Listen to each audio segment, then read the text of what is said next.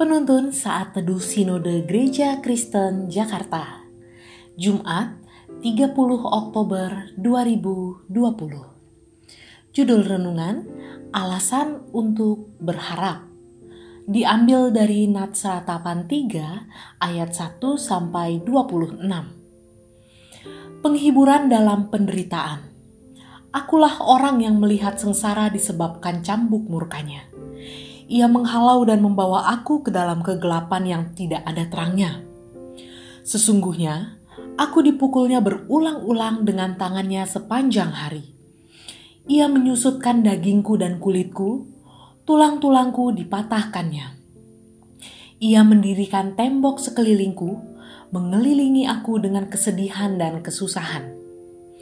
Ia menempatkan aku di dalam gelap seperti orang yang sudah lama mati ia menutup segala jalan keluar bagiku. Ia mengikat aku dengan rantai yang berat. Walaupun aku memanggil-manggil dan berteriak minta tolong, tak didengarkannya doaku. Ia merintangi jalan-jalanku dengan batu pahat dan menjadikannya tidak terlalui. Laksana beruang ia menghadang aku, laksana singa dalam tempat persembunyian. Ia membelokkan jalan-jalanku, merobek-robek aku dan membuat aku tertegun. Ia membidikan panahnya, menjadikan aku sasaran anak panah. Ia menyusupkan ke dalam hatiku segala anak panah dari tabungnya. Aku menjadi tertawaan bagi segenap bangsaku, menjadi lagu ejekan mereka sepanjang hari.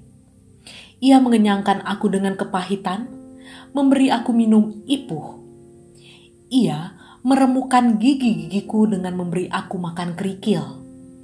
Ia menekan aku ke dalam debu. Engkau menceraikan nyawaku dari kesejahteraan. Aku lupa kebahagiaan. Sangkaku, hilang lenyaplah kemasyuranku dan harapanku kepada Tuhan. Ingatlah akan sengsaraku dan pengembaraanku, akan ipuh dan racun itu. Jiwaku selalu teringat akan hal itu, dan tertekan dalam diriku. Tetapi hal-hal inilah yang kuperhatikan. Oleh sebab itu aku akan berharap. Tak berkesudahan kasih setia Tuhan, tak habis-habisnya rahmatnya, selalu baru tiap pagi, besar kesetiaanmu. Tuhan adalah bagianku kata jiwaku. Oleh sebab itu, aku berharap kepadanya Tuhan adalah baik bagi orang yang berharap kepadanya, bagi jiwa yang mencari Dia. Adalah baik menanti dengan diam pertolongan Tuhan. Dilanjutkan Roma 12 ayat 12. Bersukacitalah dalam pengharapan, sabarlah dalam kesesakan, dan bertekunlah dalam doa. Fanny Crosby mengalami kebutaan sejak kecil akibat salah penanganan dokter ketika ia menderita demam. Ia harus hidup dalam kegelapan seumur hidupnya.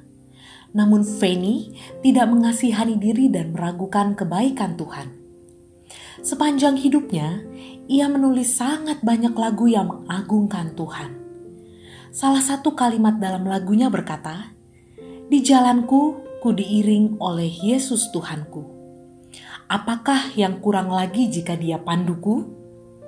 Diberi damai sorgawi asal imanku teguh. Suka duka dipakainya untuk kebaikanku. Kehilangan penglihatan tidak menjadikannya kehilangan harapan. Yeremia hidup dalam masa yang sangat sulit, seolah tanpa harapan. Dalam kitab ratapan yang ditulisnya, ia menyebut dirinya sebagai orang yang melihat sengsara akibat cambuk murka Allah. Ia menyatukan dirinya dengan bangsanya yang sedang menderita, menggunakan kata "aku" untuk mengungkapkan penderitaan bangsanya. Hukuman Tuhan membuat mereka begitu menderita, bagaikan berada dalam kegelapan yang tidak ada terangnya. Dikelilingi dengan kesedihan dan kesusahan, dan tidak ada jalan keluar bahkan Tuhan tidak mau mendengar teriakan mereka minta tolong. Di tengah segala penderitaan itu, Yeremia menemukan alasan untuk berharap, yaitu tak berkesudahan kasih setia Tuhan, tak habis-habisnya rahmatnya, selalu baru tiap pagi, besar kesetiaanmu. Meskipun ia sedang menghukum, kasih setia dan rahmatnya tak pernah berhenti. Hukumannya adalah untuk mendidik umatnya, bukan untuk menghancurkan. Alasan berikutnya untuk berharap ialah Tuhan adalah bagianku.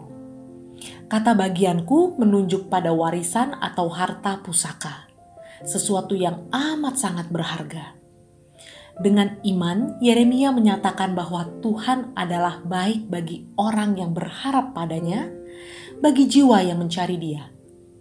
Karena itu adalah baik menanti dengan diam pertolongannya. Menanti dengan diam berarti menanti dengan tenang dan berserah pada kehendaknya. Umat Tuhan tak pernah kehilangan harapan, sebab kasih setia dan rahmat Tuhan selalu menyertai kita Kasih setia dan rahmatnya tidak diukur dengan seberapa banyak permohonan kita yang ia kabulkan. Tidak juga dinilai dari seberapa cepat ia memberi pertolongan bagi kita. Tuhan tahu segala pergumulan kita dan ia sungguh peduli. Ia sedang bekerja dengan caranya yang tidak terselami oleh keterbatasan pemahaman kita.